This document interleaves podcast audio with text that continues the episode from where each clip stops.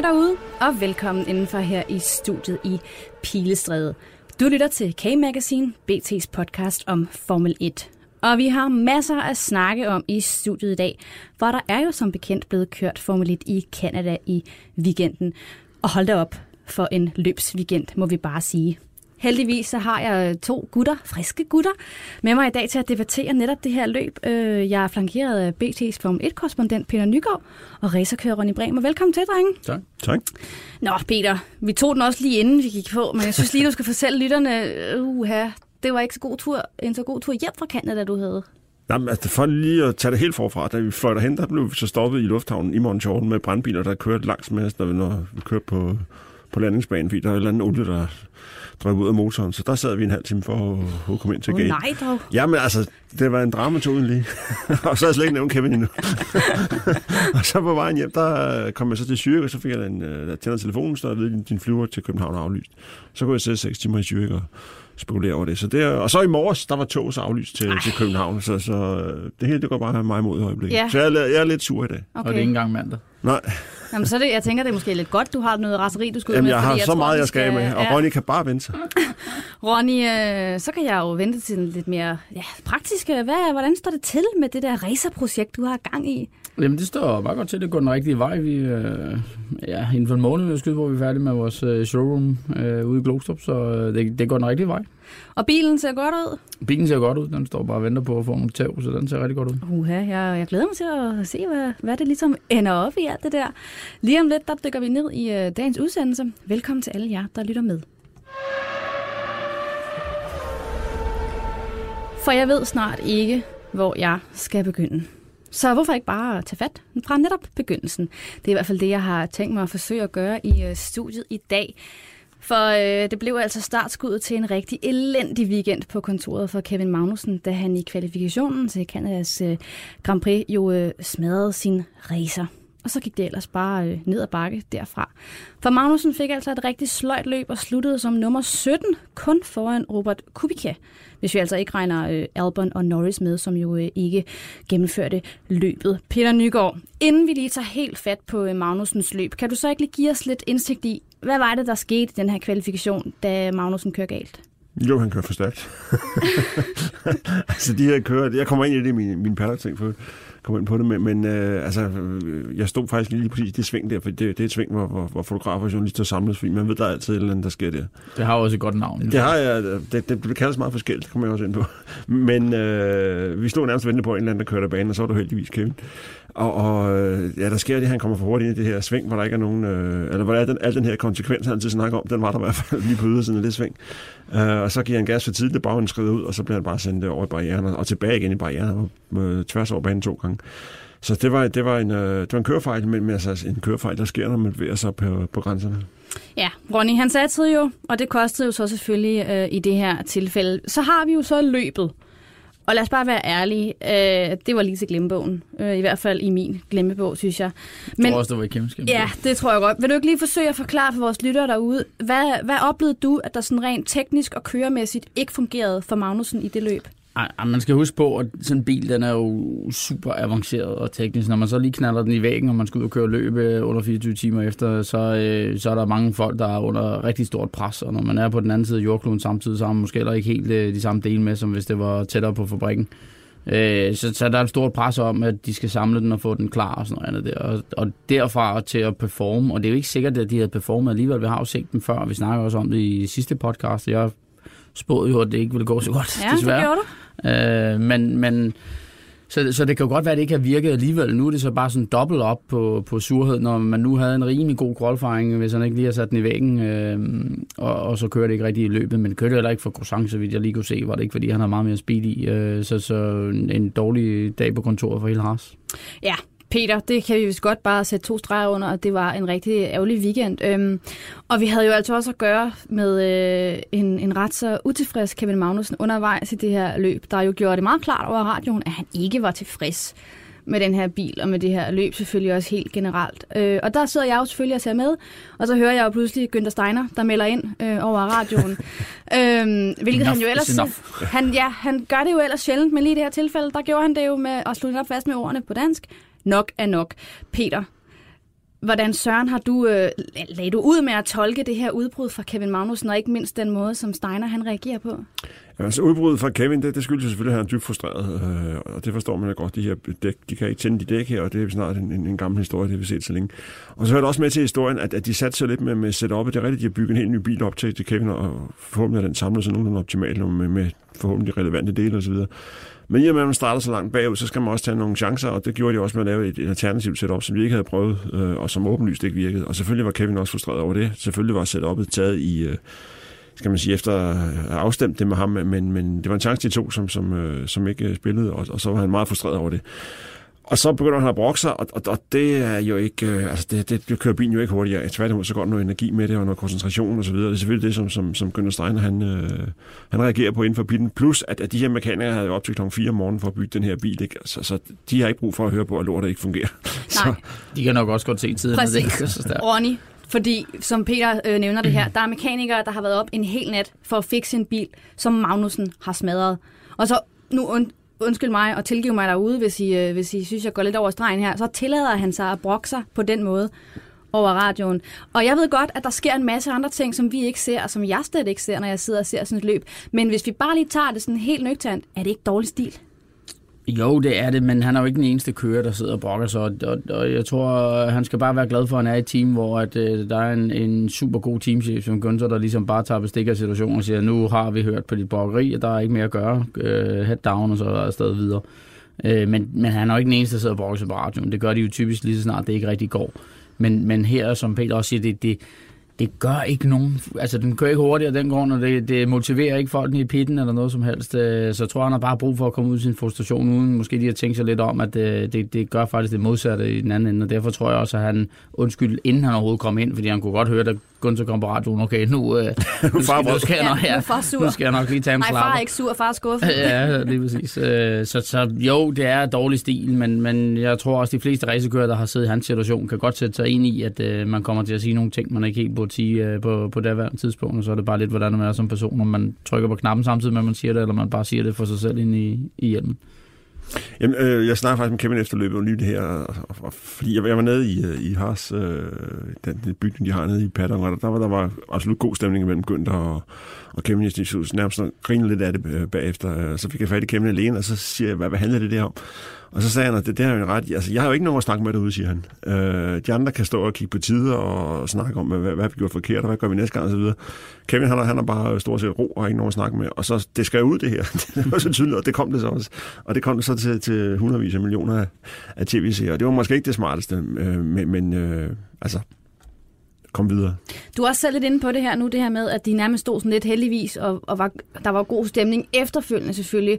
Fordi som, som I også fornævnte her, Magnussen, han undskylder jo selvfølgelig det her udbrud. Det skulle han jo vist også have gjort efterfølgende over for, direkte over for mekanikerne, så vidt jeg øh, kunne forstå. Og de har også fået snakket den her episode igennem i teamet selvfølgelig. Hvis vi så øh, kigger på det i forhold til, hvad, hvad vidner det så om i forhold til, hvad det er for et team, Magnussen er en del af, at du også, altså det her sker, og alle kan godt se, okay, det var måske ikke øh, den rigtige måde at gøre det på. Men hvordan håndterede de det, synes du? Jamen, flot. Altså, det viser bare, at det er et harmonisk team, hvor, hvor de har respekt for hinanden, og der er plads til at lave det, øh, og pisse en lille smule ved siden af potten, ikke? og så, så tør vi op, og så kommer vi videre. Så, så det, det understreger bare, at, at uh, Günther er verdens bedste Formel 1-chef, i hvert fald lige for Kevin. Uh, og, og, og Kevin er, er modnet meget, øh, i stedet for at surmule og, og så videre, så, så tager han fat i det og, og siger til, til mekanikeren, det var, det var, øh, altså det var, blev også misforstået, fordi det det, han mente, det var, det var, det var at, at bilen og det hele, det var jo skidt, men det var ikke på nogen måde for at give mekanikeren skylden for Nej, det. men De- det er jo de har sådan, det bliver- noget. det- det Sådan jo det tolkes, opfattet, ja, og, og det, det er så lidt uheldigt formuleret af Kevin måske, men det får han så også ret op på at sige, at det var ikke det, jeg mente. Altså, jeg, jeg mener bare, at vi er i en situation, og står i grød til halsen. Ronny, har du stået i en situation, eller siddet i en racerbil i en situation som kører, hvor du har bagefter måtte gå ud og undskylde til dit team altså for din opførsel? Ah, ikke, ikke så vidt jeg husker, men det kan jo være, at jeg har været lidt dum på det tidspunkt, jeg ikke kan huske det. Men, Der er stadig øh, nogen, der, der venter. men, men jeg har da, jeg har da snakket med store bogstaver og sådan noget. Men, men jeg tror også, øh, altså det her, det er jo sådan en del, hvor, hvor pressen går lidt amok, og de almindelige, og hvad fanden er det for noget? Altså de er jo også gode til at tage de her radiomeldinger ud af noget, hvor vi måske ikke altid hører det hele historien og noget. Og selvfølgelig er det forkert, det han siger på radioen, men igen, som, som man også kan høre og, og se, at de kan stå og grine af bagefter, er jo fordi, at det er bare in the heat of the moment, der får man bare sagt nogle forkerte ting på en forkert måde. Og når du så ikke er på dit modersprog samtidig, jamen, så er der måske nogle ting, du ikke lige tænker over, når du kører 300 meter lang tid, når bilen den styrer øh, jævnt dårligt, om at du lige får formuleret dig på den rigtige måde. Så, så det bliver også kørt lidt vildere, end det måske i virkeligheden er, for jeg tror ikke, der er nogen, der er i tvivl om internt det, og så godt har det det heldigvis hos Haas, at, at, at man mener jo ikke, at uh, I har bare gjort et absurd dårligt arbejde, selvom I var oppe hele natten, så I skulle egentlig bare have lade være, I skulle bare lade lortet stå. Øh, men det er jo lidt sådan, det kommer til udtryk. Man Ja, og det gør det måske også, fordi Peter, kan du forstå, at man som, øh, som mini kvinde i mit tilfælde sidder og følger et løb, og du har ligesom kun det, du har adgang til, når du ser tv'et, og man ved, at Formel 1 er en, en verden af egoister, og også nogle gange divær. Jeg synes ikke, at Kevin han er en af dem, øh, men, men vi ved jo, at det ligesom også er, vi, som du også selv tidligere har sagt, Ronny, der er mange, der brokker sig over radioen, og der er mange, der går langt over stregen, så kan du forstå, Peter, at der man sidder ser og fans og tænker, hvad fanden var det? Det kan jeg sagtens forstå, øh, for det, man kan kun forholde sig til det, man, man, man hører og ser. Øh, Men, men det er rigtigt, som, som Ronny siger, det er jo sådan lidt en redigeret virkelighed, for der, der har sikkert været noget før, der har været noget efter, den lige den her melding kom. Og masser af andre meldinger har vi slet ikke hørt, både fra, fra Kevin og fra, fra, fra andre teams, der kører. Så, så der er der lidt redigeret, men, men selvfølgelig, det, altså, vi er også i underholdningsindustrien, så selvfølgelig, selvfølgelig. Tager, selvfølgelig tager man sådan en, øh, en, en, en besked op, øh, og så synes jeg ikke, det, så, så er det ikke større, så, så er der overstået. Øh, heldigvis er vi i et team som Haas, hvor den slags er overstået, fordi jeg godt forestille mig andre teams, hvor, og lige pludselig så får Kevin en kniv i ryggen om, om, om, om tre løb, fordi han har sagt noget forkert. Ikke? Det her, Men- det, det er overstået, og, og Günther er glad, og Kevin er glad, og så skal vi til Frankrig. Ja, og man skal også hurtigt tænke over, at når, når du er som kører, så som Peter var inde på, det, du er kun dig selv, du skal ud med dine frustrationer. De andre kan jo godt se, at tiderne er dårlige, så hvis du bare lader som ingenting og kører dårlige Mm. tider, så sidder der også en eller anden, der tænker, hallo, er du Ja. vågen, eller hvad er det? Ja. Jeg siger ikke, at man skal sige det forkerte ting, men man bliver nødt til ligesom at, at indikere på radioen, at bilen kører altså ekstremt dårligt. Og så kan man måske få noget guidance der ved at få lov til at trykke på nogle forskellige knapper, det måske bliver bedre. Det lykkes så ikke i det her tilfælde, og så, så blev frustrationen måske bare endnu større. Inden vi lige hopper videre i, øh, i udsendelsen, drenge, så skal vi jo selvfølgelig forbi vores øh, faste element i den her podcast. Det er jo det, vi kalder Peter fra paddocken. Og det er jo her, hvor øh, du, Peter, BT's Form 1-korrespondent, tager os og lytterne helt med ind i paddocken. Og jeg kunne forstå på dig, at vi bliver i Canada. Ja, det gør vi, øh, og det er sådan lidt atypisk, fordi jeg skulle have siddet og forberedt på det her i toget hen, og det kører som sagt ikke. så, så, så, men men, men det, det, der, det, der jeg vil snakke om, det er, det er Kevins øh, og Grosjeans øh, kvalifikationer. Det handler ikke om løbet, for der ved alle, at- Kevin er en kriger, og han tager de chancer, der skal til, og så alt det, der skal. Men kvalifikationerne, og det skyldes, at vi sad lørdag formiddag faktisk i mediekapiteret og snakkede med et par udenlandske kollegaer, om øh, det her forhold mellem øh, Kevin og Grosjean under kvalifikationen. Der, der er øh, Kevin har heldigvis fået godt fat i Grosjean i år, men, men, men Grosjean er jo sådan anerkendt som kvalifikationskører Ron, der, der, der kan finde den sidste tiende del altid. Øhm, og det, det, hvis man står sådan ved, ved, ved banekanten uge efter uge øh, og ser omgang efter omgang øh, under træning og kvalifikation, så er der ingen tvivl om, at, øh, Grosjean har sat sig helt på timen. Altså, der, der, der er øh, rygende forhjul, og der er små afkørsler og store afkørsler og småfejl.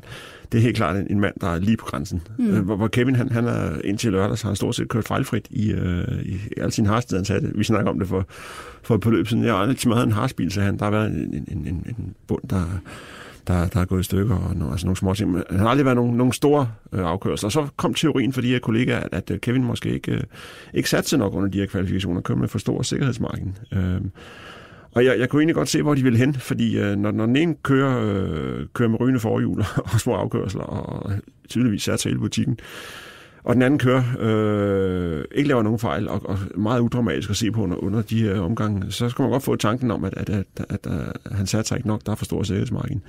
Men, men øh, det blev så heldigvis modbevist lørdag eftermiddag. der, der, der, der var det tydeligvis, at, at Kevin tog alle chancer, der skal til.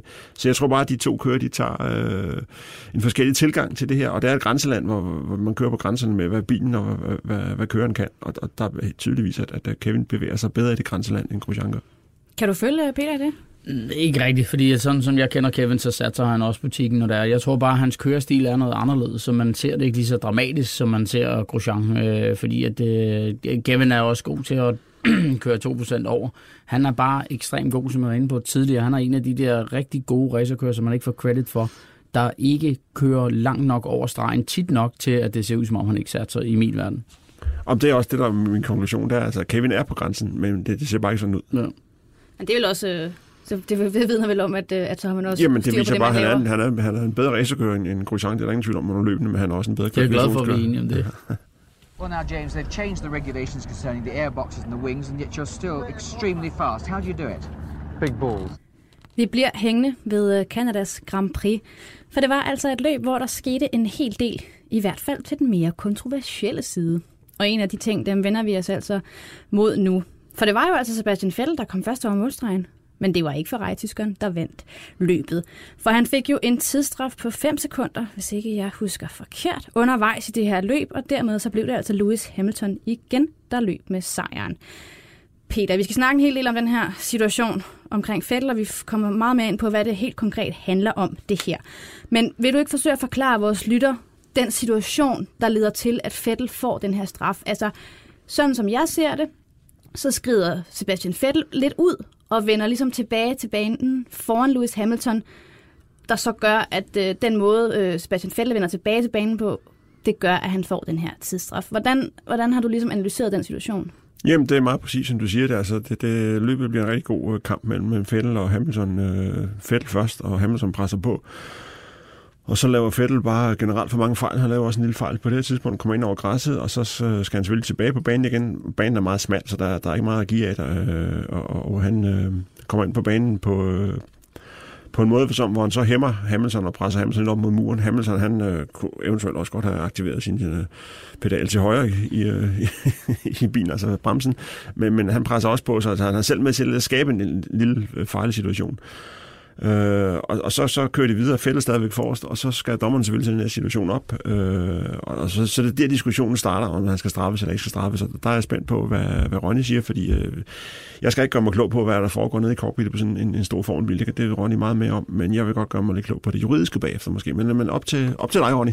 Ja, ja inden vi lige øh, snakker om, øh, om, øh, om straffen, så skal vi lige vende reaktionen fra Sebastian Vettel efter løbet. Øh, fordi jeg synes, vi skal lige vente med, og ja, vi holder spænding lidt i forhold til den her straf, ikke?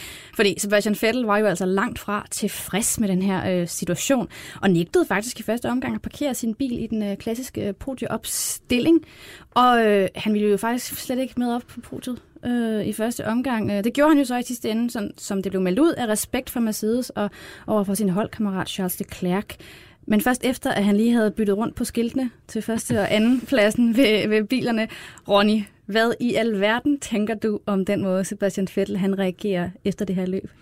Det, det er sådan en blandet øh, fornøjelse, fordi at for ham inde i bilen har han ikke set situationen, hvor tæt på det var at gå galt. Øh, så for ham, der virker det øh, totalt plat at få en 5 sekunder straf og, og miste sit løb på noget, hvor han laver en fejl og kører ind over græsset, som du jo gerne må ifølge reglerne. Du må bare ikke køre ud foran en anden en øh, ifølge reglerne. Men han føler, at han ikke gør noget forkert. Så fra hans synspunkt kan jeg godt se, at han er vildt frustreret over, at det ikke kan lade sig gøre. Han ved, at der er 5 sekunder straf, og han kan ikke trække de 5 sekunder fra, øh, så han kan vinde løbet, så han kører først over stregen, men kommer ikke op på bålet. Det, det er også en åndssvag situation, som de burde have gjort anderledes efter min mening.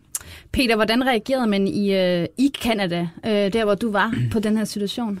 Først er det lige ret misforståelse. Altså, det var ikke noget med, at Fettel ikke ville op på podiet eller noget og, og, og, og parkeret forkert, eller parkeret ikke sammen med de to andre. Han, han pakkede med der, hvor bilen ind efter løbet. Den var simpelthen øh, delt op i Canada to steder, og Fettel kom så ind i den forkerte pakke ah, okay. og måtte gå ned igennem pinden, og, og, der var selvfølgelig masser af folk, der ville tage billeder af ham. Og, og, så, ja, så det, det var ikke det, sådan, det, det blev udlagt det, det, af, af diverse medier, skal jeg så helt nej, sige. Men, men jeg stod der, så jeg, jeg så, hvordan han kom ned igennem okay. pinden, og, og så kom han ned til øh, der, hvor, hvor den rigtige pakke for med var for de tre første, der stod så kun to biler, og så synes han, at køber skiltene stod forkert. Så rettede han lige på skiltene, og så gik han op til podiet, ja. og så, så, var det, så var det overstået. Uh, men men uh, jeg kan selvfølgelig i langt lige vejen. Selvfølgelig er han frustreret, det skal han rigtig gøre være.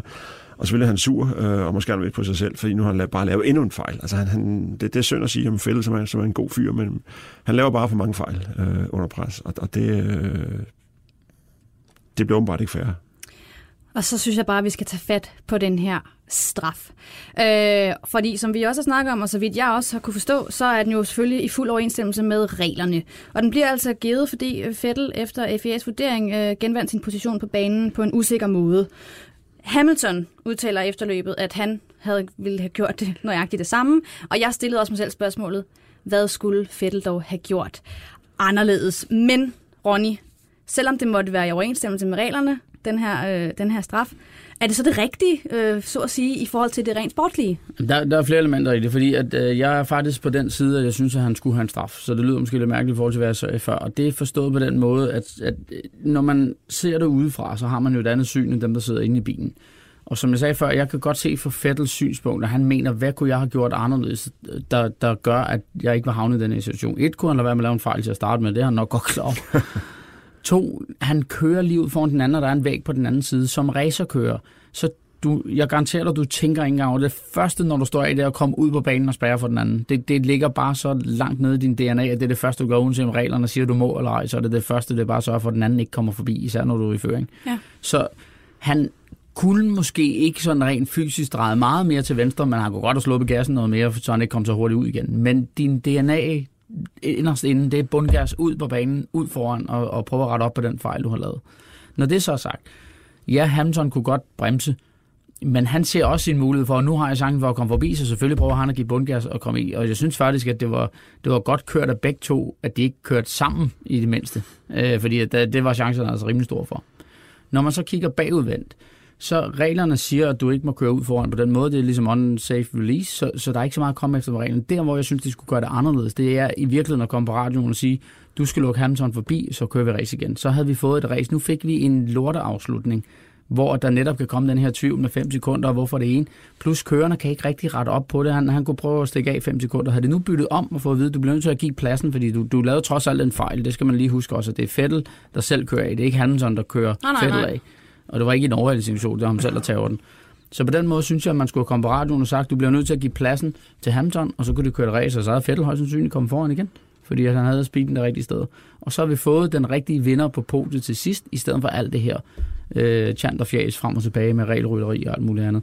Og fra Hamiltons side af kan du også se, at han, han står også i en lortesituation, når han kommer ind. Ikke nogen buer og nogen det ene. Jamen, han har, hvad har han gjort forkert? Ja. Han har bare prøvet at tage sin plads, og nu bliver han buet lidt af, at, at øh, Fettel får 5 sekunder straf, og det bliver sådan lidt mærkelig ceremoni, i stedet for at man bare har kørt race til, til slutningen. Så det er der, jeg synes, at FIA de, de lige skulle komme lidt ind i kampen, og så gøre de her regler bedre, sådan så den, der kommer først over stregen, som vi hele tiden har inde på, er også den, der står øverst på podiet, og ikke alt det her straflort der. Hvis der er noget straf inden, så må du skulle køre i pit og tage den, og så har det ja kostet rigtig mange pladser eller eller andet, eller også må du bede kørende om at bytte plads, sådan så den, der kommer først over stregen, er også den, der kommer først over stregen. Hvad siger du, Peter? Jeg er meget enig i langt stykke af vejen, men, men øh, det, det der med at få en rette besked om at give give lige pladsen tilbage, det, det findes bare ikke rigtig i, øh, i, i lovkataloget eller i, i, i straframmen for den slags. Der, altså, når, når du kommer farlig tilbage på banen på en farlig måde, og, og det synes jeg, vi er enige om, at det, det, det var det, der skete. Fælde, han, øh, på en eller anden grad, så var det farligt, det han, han gjorde. På, Men der skete jo ikke noget. Nej, nej, men Det er kun fordi han som bremsede, ellers så var der sket noget. Øh, altså, han kom tilbage på banen øh, på en farlig måde, punktum. Så er der tre øh, sanktionsmuligheder. Der er 5 sekunders øh, straf, 10 sekunders straf, og der er en stop and go i nævnt rækkefølge. Stop and go er den hårdeste. Ja. Så hvis de givet ham stop and go, som jeg godt kan se, så, så var den rigtig kørt over der på øh, Det er også forkert, det giver det. Det er ikke fordi, jeg er enig i, at det så, så, havde, så havde det været en, en lang hårdere straf. Øh, Så, så var Fælde blev nummer, nummer 4-5 stykker måske. Ikke? Så det var en lang hårdere straf. De har givet ham den mildeste straf, som, som de kan, dommerne. Og, og, og dommerne skal udstede en straf, øh, fordi han er gået ind på banen på den her farlige måde, vi snakkede om. Og så er der også det aspekt i det, at, kørerne har skrevet på øh, det, de kalder øh, konsistente dommer, altså det, der skal være samme, øh, samme straf for samme i anførselstegn Ja. for forseelser. Ikke? Øh, og da der har været straf for den her slags før, så skal de selvfølgelig også gøre det igen. Så jeg synes, vi kan ikke lægge noget for dommerne. Altså dommerne har gjort, hvad de skulle. Dommerne var dygtige. Det var Emmanuel Pio, som var en af de mest respekterede dommer i, øh, i, øh, blandt, blandt kørende i, øh, i dommerpanelet. Så, så de har gjort, hvad de kunne. De har måske bare haft et, et forkert regelsæt at, at dømme ud fra. Så skal man lave om på, på regelsættet. Og det er det, der er det springende punkt. Lige præcis. Det, det, jeg siger heller ikke, at dommerne gør det dårligt. Jeg sagde FIA, jeg sagde ikke dommerne. Og mm. det er fordi, jeg mener, at FIA laver nogle regler, som ikke gennemser øh, den her entertainment-værdi med, at vi får de rigtige til at vinde og sådan noget. Du, du vil ikke se det i NASCAR, mig bekendt. Øh, der, der havde de bare fundet på en eller anden løsning inden, sådan, så den, der kører over stregen, er også den, der vinder. Og det er bare det, der er min point, at, at vi skal have nogle straffe og noget. Nogle gange så kan de straffe virke hårde, fordi at, at som Peter siger, det skal være konsekvens, og nogenlunde svarer til det samme. Og andre gange så kan det virke mildt. Men der skal bare være sådan, at den, der kører først over stregen, er også den reelle vinder. Fordi det, det giver en masse dårlige omtale, alt det her, øh, både Formel 1 og sådan noget, det er de nok ligeglade med, men hele situationen med, som jeg siger, Hamilton har ikke gjort noget forkert, men han står og bliver buet lidt, og han ved ikke rigtig, hvad han skal gøre, når man kan godt se, at du bytter skilt over, det er også rigtigt nok og noget. Han er selvfølgelig glad for, at han har vundet, Ja, selvfølgelig. men, men han har jo trigget Fettel til at lave en fejl. Det var ikke, det var ikke sådan, at Fettel var langt foran og bare lavede en fejl. Så han blev trigget til at lave en fejl, fordi han var under pres. Ja. Og, og det viser jo bare, at så har du op og henter en stærkere kører, men alligevel, så, så skal du straffes bagefter, fordi du skal stå og buse af, fordi at du kom, kom først i, øh, du kom to i mål, men du kom først over. Og det er bare det, jeg mener, sådan nogle situationer kan man sagtens regelmæssigt skrive sig ud af, sådan, så man er sikker på, at den, det, det er den rigtige, der kommer over. Det er selvfølgelig nemt nu, og den situation har man ikke tænkt forud og alle de her ting her, men, men de skal bare være noget bedre til, til showet, efter min mening, i Formel 1, og der er det halvdelen langt efter NASCAR blandt andet. Så vidt jeg kan forstå, så er Ferrari i gang med at appellere øh, den her straf. Øh, jeg ved ikke, om jeg har ikke øh, kunne finde det på øh, noget sådan officielt site, men jeg læste øh, på forskellige, øh, forskellige steder. Peter, hvis vi antager, at Ferrari er i gang med det, regner du så med, at de får noget ud af det? Nej, hold op. Altså, der står jo sort på at, at lige præcis den her slags øh, øh, domme kan ikke appelleres, medmindre der er kommet nye beviser for, for dagen, og der, der er ikke kommet nye beviser. Altså, Fælder har gjort en fejl, og, og, og så, så er den ikke længere. Ja, jeg tror også bare, de, de skal bare prøve for ligesom at bakke Fælder op og sige, at vi prøver alt, hvad vi kan, selvom det er helt udhavnet.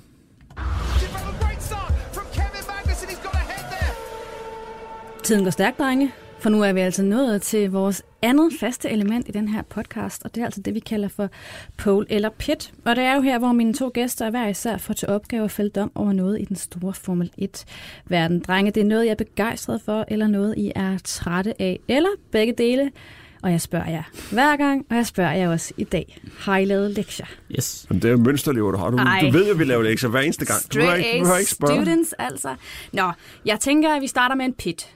Ronny, har du lyst til at starte? Ja, men det er sådan set uh, FIA, som lige omtalte. Det Ja. er det her med, at, at, at vi skal have lavet nogle, nogle regler, som gør showet som vinderen hver gang, og ikke kørende som vinderen. Og det synes jeg, at FIA uh, har generelt sådan, at, at de bliver presset af, Øh, bilfabrikanter og sådan noget andet, så, så det altid handler sådan lidt mere om det politiske end om showet. Og hvis man skal have gang i det og have flere folk og noget, så er det showet, der er vigtigt. Så, så jeg, jeg synes, der, at der er nogle ting, de bør kigge på, ikke kun i den her situation, også i forhold til, til alt muligt andet, øh, vi har omtalt i, i de andre programmer. Så lige i den her gang, der får de min øh, pit.